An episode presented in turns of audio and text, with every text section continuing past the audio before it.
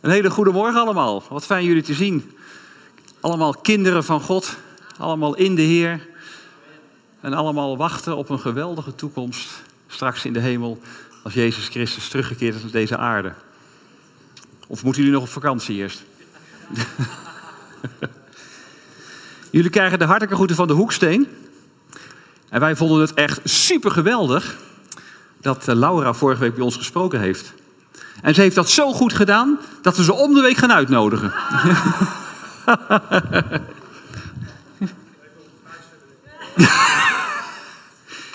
Alles is genadig, Gert. nee, het was fantastisch. Het was erg goed. Een geweldige preek. En de gemeente is echt veranderd. Stukje bij stukje gaan we verder. Ik eh, zie jullie allemaal eh, heel goed zitten. Op allemaal stoelen. Allemaal prachtige mensen die God heeft geschapen. En die wachten op een eh, hemelse toekomst. Jullie zitten op stoelen in rijen achter elkaar. Ik zie lampen die uit zijn, wat lampen die aanstaan. Ik weet dat hier achter auto's geparkeerd staan en fietsen. Allemaal dingen die ik kan zien met mijn fysieke ogen. Ik ruik diverse parfums. Misschien van de eerste rij. Ik hoor mensen. Met onze fysieke ja, zintuigen kun je alles horen, voelen en ruiken. Maar er zijn ook dingen die je niet kan zien. Ik kan bijvoorbeeld God niet zien. Waar is God nou? We weten dat hij er is. Waar kun je hem zien? Jezus, de Heilige Geest, wind, zwaartekracht. Je kunt het ervaren op een bepaalde manier, maar je kunt niet zeggen: Wacht, ik heb hier wat zwaartekracht. Wie wil het eventjes? Wat zwaartekracht. Ik heb hier wat licht en dan vang je wat licht op. Wij leven in een wereld als fysieke mensen, maar we leven in een geestelijke wereld, want dat is onze echte realiteit. Alleen we zien dat niet, we moeten dat geloven. We moeten dat ervaren. En dat is natuurlijk eigenlijk wel erg fantastisch, want als je er even bij stilstaat en je denkt geestelijk, dan is God altijd bij je als vader. Dan is Jezus altijd bij je als je verlosser, je vriend, je advocaat. Dan is de Heilige Geest altijd bij je, die je leidt naar de Heer, en die je inspireert en kracht geeft en troost en bemoedigt. En er zijn er ook nog ontzettend veel engelen bij ons, die we ook niet kunnen zien, maar die zijn er wel. Wat zou het fantastisch zijn als we dat allemaal zouden kunnen zien. Wat wordt het leven dan makkelijk ineens, of niet? Wat wordt het dan een eitje? Want als er een vraag is, Heer, kunt u, Heer, zou u, wilt u? Want je ziet het allemaal om je heen. Dat bemoedigt. Als je in je eentje dingen doet als mens, dan doe je dat in je eentje. Maar met een groep wordt het gelijk geweldiger. Stel dat ik hier in mijn eentje nu zou staan te preken. Echt niet zo leuk natuurlijk. Helemaal niet leuk. Ik denk dat ik mijn spulletje zou pakken en verdrietig naar huis zou gaan. Maar dat is niet leuk. Maar met een zaal vol wordt het wel leuk. Dat is inspirerend en dat is fijn om onder elkaar te zijn. Maar met onze geestelijke ogen zien wij God ook. Wij gaan de toekomst in en wij gaan Gods koninkrijk in. En we zitten er nu al in, maar het wordt nog steeds meer en steeds groter en steeds fantastischer. En ik kijk ernaar uit. Ik ben al een tijdje christen, ik ben nu 59 en op de 23e ben ik echt gelovig geworden. En vanaf dag 1 kijk ik al uit naar het goede nieuws van het komende koninkrijk van God. Het lijkt me zo geweldig om daar te zijn. Het lijkt me zo fantastisch om bij de wederkomst van Jezus te zijn. Dat hij uit de hemel terugkomt en wij gaan omhoog als je nog leeft. En de christenen die al overleden zijn in de Heer, die komen met hem naar beneden. Dat moet toch geweldig zijn? Het is toch een geweldige visie om van daaruit te leven. Om zo naar school te gaan, zo naar je werk te gaan. Zo je kinderen op te voeden. Zo door de moeilijke dingen van het leven te gaan. Wetende dat er een dag zal komen dat Jezus zal terugkeren naar deze aarde. Wat een vooruitzicht. En dat wordt alleen maar vandaag verkondigd in de kerk. En niet op het NOS-journaal, niet in de krant, niet op de radio en ook niet door onze overheid. Je moet het hebben van de boodschappen uit het woord van God. Het eeuwige woord van God en het levende woord van God. Ik heb echt zin in de wederkomst van Jezus. Toch? Amen, ja hè? Allemaal hè? Kijk je wie er het eerste is? Maar ik maak overal een wedstrijdje van. ik ben erg competitief ingesteld. Nou, de preek vandaag is bedoeld om ons bewust te zijn van de werkelijkheid van de wederkomst van Jezus. Dat als je morgen wakker wordt, dat je niet denkt, ah, ik moet naar mijn werk, ik moet naar school, want volgens mij zijn de schoolvakanties ook voorbij. Krijg je dat weer, moet je weer proefwerken gaan doen en dat soort zaken. Maar dat je opstaat en denkt, ah, de wederkomst van Jezus. Misschien wel vandaag, misschien morgen, misschien over tien jaar, maakt allemaal niet uit. maar de wederkomst van Jezus staat voor de deur. Leven vanuit die visie. We gaan het woord van God in. Ik heb wat dingen hier staan. Dat, dat natuurlijk enorm af, hè? Maar de bedoeling is dat ik daar straks ook iets mee ga doen en iets over ga zeggen.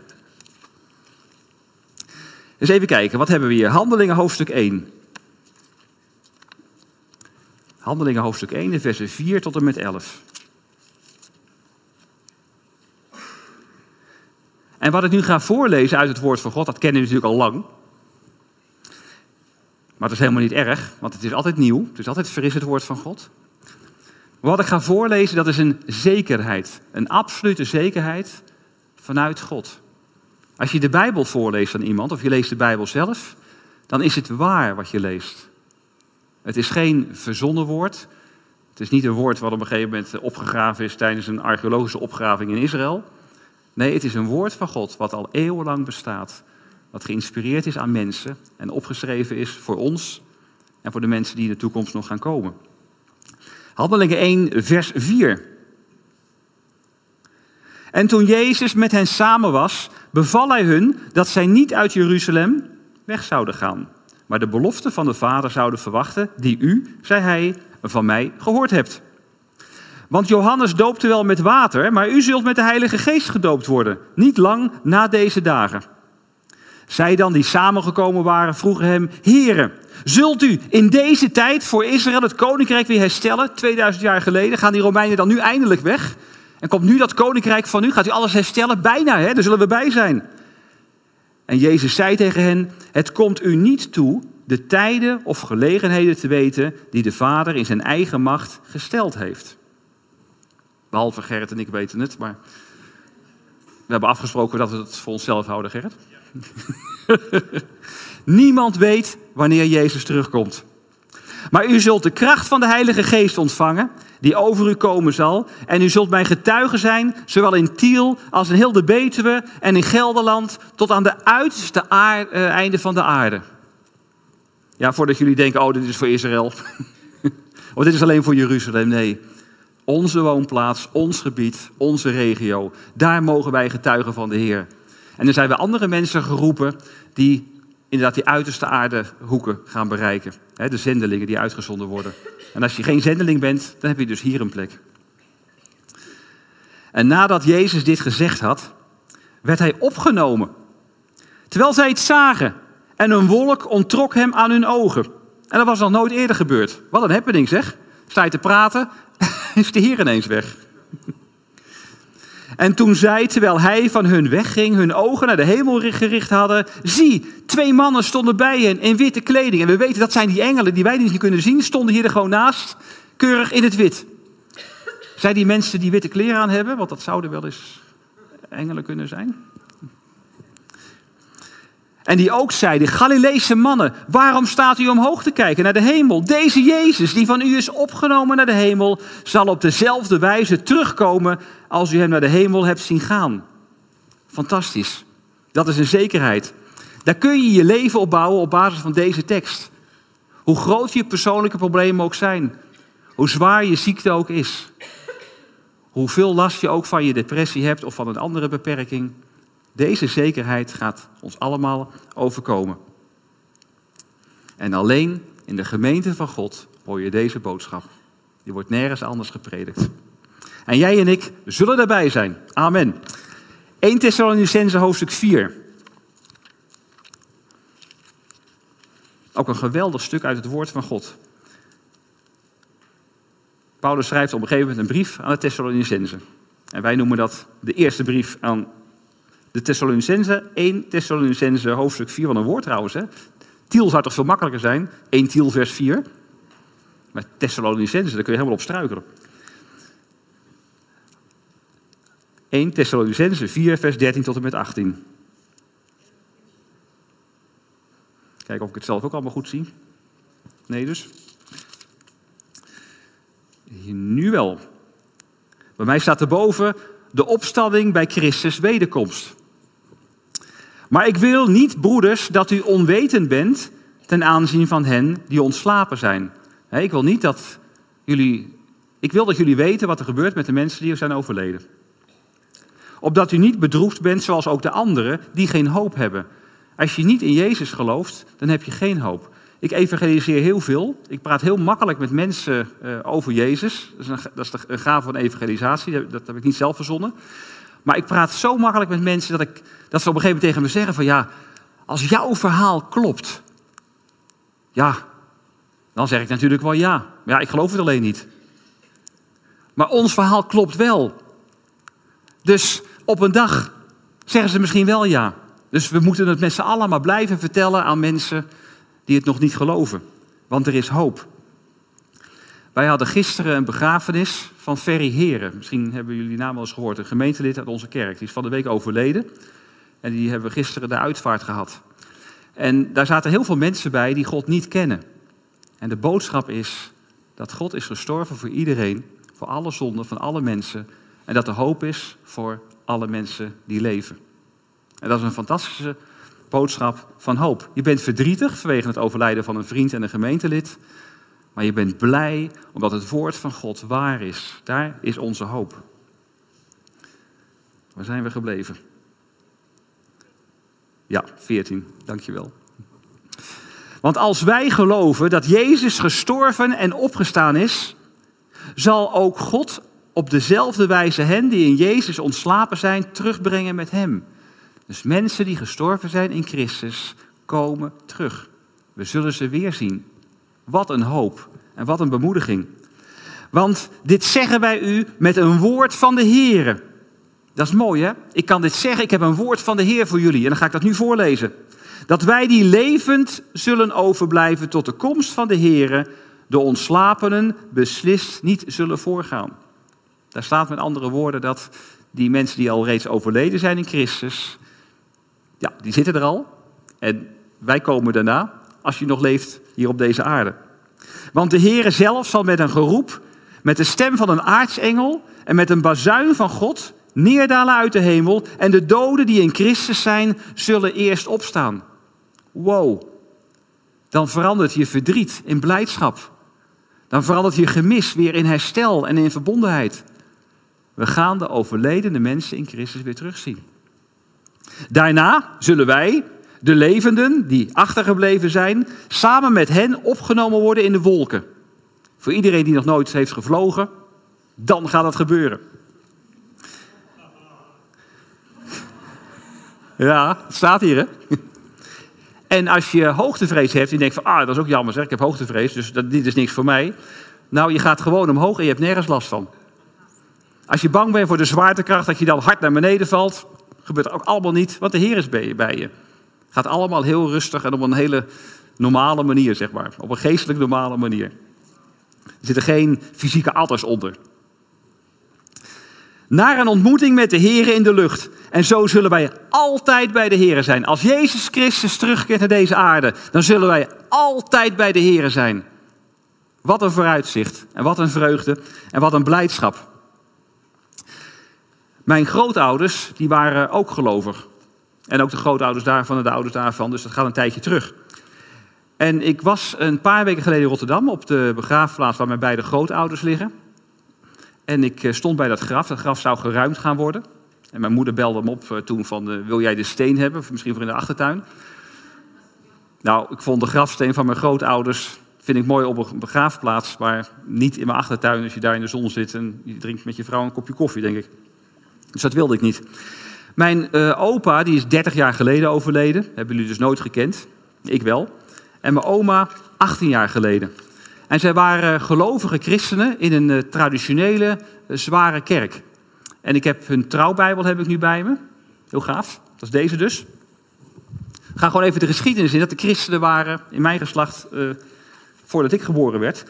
Dit is een kerkelijke huwelijksbevestiging. Uitgegeven op 9 november 1938. Toen trouwden zij in de kerk. Rijnt Aldert Bijleveld en Ariaantje Sluimer. Van de christelijk gereformeerde gemeente in Rotterdam.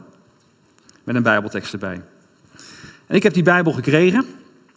Ze zaten in een, in een kerk waar weinig gesproken werd over de genade. Want een aanzichtskaart van die kerk was deze. En daar staat dan op, o God, wees mij zondaar genadig. De nadruk lag in hun kerk op genade. Ik bedoel, niet op, het lag op de zonde. En toen mijn opa overleed, toen waren zijn laatste woorden: Heere, help mij over de drempel. Tot op het moment van zijn dood wist hij niet zeker of hij binnen zou komen. Erg hè? Want wij mogen zeker weten dat als je de naam van Jezus beleidt en je gelooft in Hem, dat je behouden zult worden. Wie de naam van Jezus zal beleiden, zal behouden worden. Jezus kwam naar de aarde om de mensen te behouden en niet om de mensen te veroordelen. Jezus is gestorven voor alle zonden, van alle mensen, van alle tijden, van alle eeuwen. Ook voor de mensen die nog niet in Jezus geloven. Dat offer van Jezus was alomvattend. Daarom eren we hem ook. Daarom hebben we net ook zo prachtig gezongen. We kunnen dat zingen omdat het zo volmaakt is wat Jezus heeft gedaan. Hij is zo volmaakt. De Vader is zo volmaakt. En de Heilige Geest is zo volmaakt. En dat plan van God om de mensheid te behouden, dat is in Christus gebeurd. Door de Zoon van God naar de aarde te laten komen. Hem geboren te laten worden als mens. Hem een leven te laten leiden van pijn en verdriet en van martelingen en uiteindelijk een kruisdood. Om alle zonden, alle ziekten, alle tekorten, alle beperkingen, alle onvolmaaktheden van de hele mensheid te dragen. Hij is gestorven en hij is opgestaan uit de dood. Dus vandaar dit boek. En toen mijn grootouders net getrouwd waren, als een jong stelletje, hartstikke blij, toen kwam de Tweede Wereldoorlog. En toen werd Rotterdam gebombardeerd. En toen werd onder andere het huis van de ouders van mijn oma uh, verbranden in vuur. En er vielen vele slachtoffers. Mensen raakten van alles kwijt. En mijn moeder werd in 1940 geboren, hun eerste kind. En in 1941 de tweede. En, en zo kwamen er vier kinderen. Allemaal geboren tijdens die oorlog. Kunt je je voorstellen? Wat een drama's dat geweest zijn? En dan tussendoor ook nog denken dat je, weten dat je een zonde bent en twijfelen over die genade. Het leven is niet makkelijk. En nu zijn we weer verder. Nu maken de mensen in de Oekraïne dat mee. Dezelfde dingen. En daar wordt ook getrouwd. Midden in de oorlog. Er worden ook kinderen geboren. Midden in de oorlog. En God is overal bij. Mijn grootouders waren gelovig. En mijn moeder is ook gelovig. En nu zijn wij het. En mijn kinderen. En de binnenkort aangetrouwd kind. en haar ouders van Rowanne.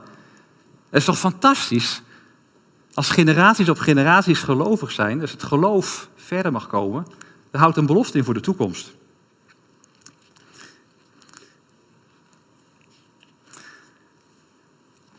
Ja, nog eens over mijn opa en oma. Opa was 63 en oma was 64. En toen namen ze afscheid als jeugdwerkers in de kerk. dat hebben ze lang volgehouden? Het waren twee hele gepassioneerde mensen. Ik leerde ze als kleinkind natuurlijk pas kennen uh, op hogere leeftijd. Maar ik ben, als ik dat dan lees, denk ik, wow, wat voor mensen waren dat toen ze de leeftijd hadden van 25? Hoe gepassioneerd deden zij het jongerenwerk? Ik weet nu dat jullie hebben een jongerenteam en ik zie hier Jelle en ik zie Maarten en ik zie allemaal jonge mensen hier. Nou, uh, hoort je ook weer? Naomi, hè? Naomi, ja. Jullie hebben ook jongerenwerk hier. Maar op een dag zijn jullie ook ouder. Maar mijn grootouders, die deden tot 64 en 63 jaar oud. ik wilde je toch zegenen. en toen ze afscheid namen van het jongerenwerk, kregen ze dat andere wat ik heb meegenomen.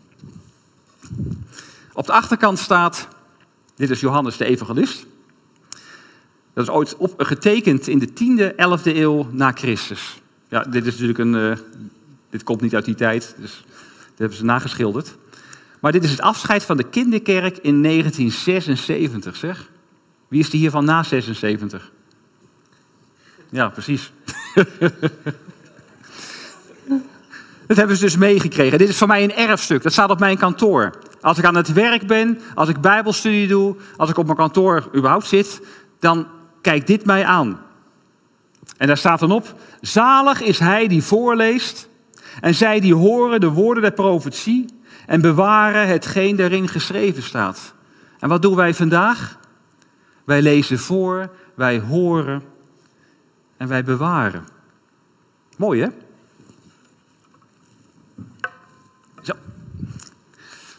Profetische woorden. Dat stond eerst bij mijn grootouders thuis, daarna bij mijn moeder en nu staat het bij mij. En op basis van al die profetische teksten uit het woord van God weten wij dat er een hoop dingen nog moeten gaan gebeuren. Maar het allerbelangrijkste wat we moeten weten is dat Jezus terug gaat komen. Dat is fantastisch nieuws. Openbaring hoofdstuk 22.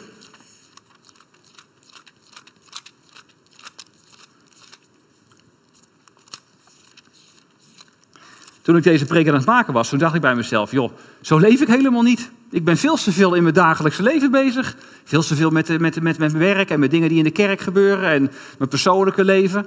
Ik moet veel meer mij van bewust zijn dat die wederkomst van Christus gewoon gaat gebeuren. En dan maakt het niet uit wanneer. Maar ik moet leven vanuit die verwachting. En ook leven vanuit die urgentie van er moet nog een hoop gebeuren. Maar ik moet er ook weer niet overspannen van worden of overwerkt. Of ik moet ook niet zo hard bezig zijn met de kerk of met, met je bediening of met, je, met het uitleven van je gaven, dat je niet meer slaapt. Of dat je nergens meer tijd voor hebt. Nee, we doen dat met z'n allen. En dat met z'n allen doen betekent dat je samenwerkt. En als je samenwerkt, dan kun je natuurlijk gelijk van, nou, goedemorgen, we gaan gelijk aan de slag, jongens. Dat klinkt allemaal lekker dynamisch, hè? Goedemorgen, we gaan gelijk beginnen. Maar het is eigenlijk veel mooier als je zegt, goedemorgen, ga even zitten. Hoe is het met jou? Hoe is je week geweest? En hoe is het met jou? Hoe voel je je? En hoe is het met jou? Ik zie dat je een beetje moe bent. En hoe is het met jou? Ik zag je heel hard wandelen van de week. Was er iets? Eerst even connecten. Eerst even praten met elkaar. En als je elkaar dan echt lief kan hebben in het delen van je leven, dan zeg je, zullen we aan de slag gaan? En dan ga je werken. In de rust. Niet te hard, niet te zacht, maar gewoon op, de, op het ritme van de Heilige Geest. Als je bijvoorbeeld wel in de natuur kijkt, dan zie je daar allerlei beesten liggen. Bijvoorbeeld een leeuw. Ik heb nog nooit een leeuw gezien buiten het, nou gelukkig alleen maar in, in de, niet in de natuur, maar in, het, uh, in de dierentuin. In Berlijn beweerden ze laatst dat er een leeuw rondliep, maar dat bleek een wild zwijn te zijn, dus dat viel wel mee. maar een leeuw die ligt dagenlang gewoon te rusten en te slapen. En dan ineens staat hij op, gaat hij rennen en dan pakt hij een beest. Dat wordt dan opgegeten en dan gaat hij de rust weer in. En dat zo mag ons leven ook zijn. Dat je vanuit de rust je dingen doet. Want Jezus zegt, als je moe bent van mijn werk en als je moe bent van überhaupt van je werk en als je moe bent van kinderen opvoeden, als je moe bent van school, als je moe bent van autorijden, als je moe bent van schoonmaken, als je moe bent van jezelf, kom tot mij en ik zal je rust geven. Een uitnodiging om bij de Heer te komen en dan geeft Hij je de rust die je nodig hebt. Klinkt een beetje tegenstrijdig ten opzichte van het woord urgentie en dergelijke, maar het kan, het kan samengaan. Ik had gezegd Openbaringen hoofdstuk 22, de versen 6 tot en met 11. Hier hebben we een engel die weer iets zegt. En hij zei tegen mij, tegen Johannes, deze woorden zijn betrouwbaar en waarachtig en de Heere, de God van de heilige profeten, heeft zijn engel gezonden om zijn dienstknechten te laten zien wat met spoed moet gebeuren. 2000 jaar geleden werd het woord spoed gebruikt. Met spoed, dit gaat met spoed gebeuren. Maar God staat toch wel anders in de tijd dan wij. Het is net alsof God soms geen horloge heeft. Want Jezus is nog niet terug. Je zou er een beetje ongeduldig van worden. En dan staat er in de Bijbel, nou, God talmt echt niet. Het komt echt wel goed op de juiste tijd en op het juiste moment. En op de juiste plek. En zie, ik kom spoedig. Spoedig. 2000 jaar geleden. En al deze mensen die gestorven zijn, mijn grootouders die dit ook hebben gelezen in de openbaringen. Mijn oma zei een keer tegen me, nou ik vind openbaringen maar een ongelooflijk moeilijk boek. Ja, want het wordt spoedig, hij is nog helemaal niet teruggekomen. En dan zalig is hij die de woorden van deze profetie, van dit boek, in acht neemt. En ik, Johannes, ben het die deze dingen gezien en gehoord heeft. En toen hij ze gehoord en gezien had, viel ik neer om te aanbidden voor de voeten van die engel die mij deze dingen liet zien. Dat was al een indrukwekkend verhaal en een indrukwekkende engel. En die engel zei tegen mij: Pas op dat u dat niet doet, want ik ben een mededienstknecht van u en van uw broeders, de profeten, en van hen die woonden, of die de woorden van dit boek in acht nemen. Aanbid, aanbid God. Mooi, mededienstknecht. Wij zijn ook mededienstknechten van God. En die engelen zijn ook mededienstknechten. Wij werken dus, geestelijk gezien, samen met engelen. Zij kunnen ons wel zien en wij hun niet. Wat een raar spel zeg. Het is toch niet leuk om op die manier een verstoppertje te doen? Dat je altijd diegene die verstopt is niet ziet. En bij engelen is dat wel zo. Zij zien ons heel erg goed. En ze zijn dagelijks bij ons. Wij zien hen niet. En toch werken ze mee. Zij krijgen van God opdrachten. En dat heeft met ons leven te maken. En straks in de hemel bij God heb ik wel een hoop vragen. Ik wil graag weten hoe dat dan ging en wie dat was en welke engelen zich met mijn leven en de gemeente uh, hebben uh, bemoeid. Gewoon voor het gesprek, voor de connectie. Die hebben ongelooflijk veel te vertellen, of niet? Is dat fantastisch? Dus we krijgen het heel druk met gesprekken in de hemel straks. Al die dingen delen. Daarom duurt het eeuwig. Je raakt niet uitgepraat. We waren bij vers 11. En hij zei tegen mij, vers 10, verzegel de woorden van de profetie van dit boek, want de tijd is nabij. Wie onrecht doet, laat hij nog meer onrecht doen. En wie vuil is, laat hij nog vuiler worden. En wie rechtvaardig is, laat hij nog meer rechtvaardig worden. En wie heilig is, laat hij nog meer geheiligd worden. Een oproep om te stoppen met zondigen. Een oproep om je leven aan de Heer te geven. Een oproep om te gaan met God als volgeling van Christus.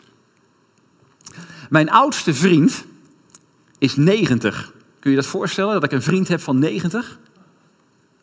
Hij heet Piet Koen. En Piet Koen die was in de jaren 70 de allereerste... Kennen jullie hem? Ja, dat was de allereerste, dat was de allereerste directeur van Wycliffe Bijbelvertalers in Nederland. Hij was op een gegeven moment eh, geraakt door een toespraak van de, grote oprichter van Wycliffe.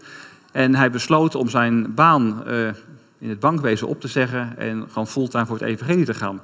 En ik heb Piet, ja, ik denk een jaar of 20 geleden, 15 geleden ontmoet in een uh, gebedsbijeenkomst waar Willem de Vink mij voor had uitgenodigd. Dus ik ben een aantal jaren met Willem de Vink naar die gebedsbijeenkomst eh, gegaan. En later heb ik Pieter ontmoet. En daar is een hele warme vriendschap uit ontstaan. En ik was uitgenodigd voor zijn negentigste verjaardag een paar weken geleden. Ik kom daar dus binnen en ik zie alleen maar oude mensen zitten. Grijs haar, zeventigers, tachtigers, ook mensen in de negentig. Ik was de jongste. Vind je fantastisch? Ik ben overal altijd de jongste. Nou ja, niet overal meer, gelukkig. Maar op deze verjaardag was ik de jongste. En Piet heeft zelf ook een aantal dingen verteld over zijn leven. En hij zei: Het woordje nog wordt heel belangrijk. Ik kan nog zelf uit mijn stoel komen. Ik kan nog auto rijden. Ik woon nog zelfstandig. En hij zei ook: De uiterlijke mens die verandert van dag tot dag. Dat kun je aan Piet zien. Het is echt wel te zien dat hij 90 is. Maar de innerlijke mens verandert ook van dag tot dag. En in een persoonlijk gesprek zegt hij ook, Hans, ik heb nog zoveel dingen waar ik aan moet werken. Ik, ik ben er nog lang niet.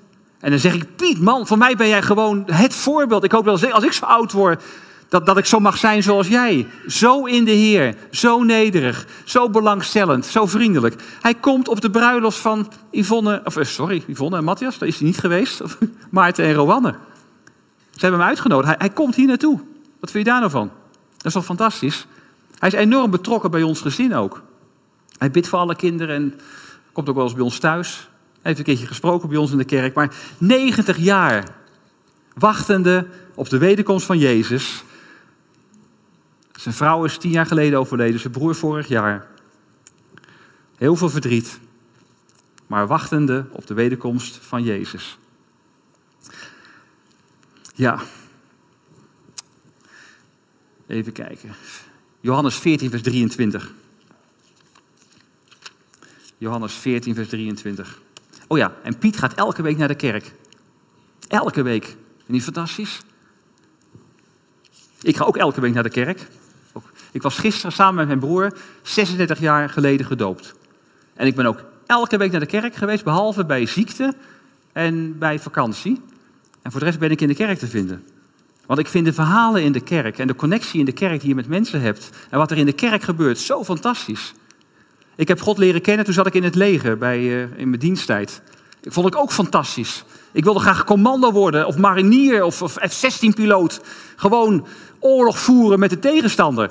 En toen kwam ik in de kerk, oorlog voeren met de duivel en dat soort dingen allemaal. Dus deze een beetje veranderd wel in mij. Want in het begin vond ik die woorden van liefde en genade. Ik, jongens, jongens, jongens, vuist erop. En het, het kwaad moet gestraft worden en zo. En dit kunnen dat niet tolereren. Maar ik ben helemaal veranderd door God. En ik ben veel genadiger nu dan dat ik toen, dat ik toen was. Maar het woord liefde en zo vond ik allemaal veel te... En nou dus niet, hè? Ik kan rustig tegen jullie zeggen, ik vind jullie fantastisch, ik hou van jullie. En we, en we kennen elkaar helemaal niet zo diep dat, we dat, dat jullie dat misschien tegen mij kunnen zeggen. En ik ook eigenlijk niet tegen jullie, maar het is wel zo. Kom hier graag. Eh, Johannes 14, vers 23.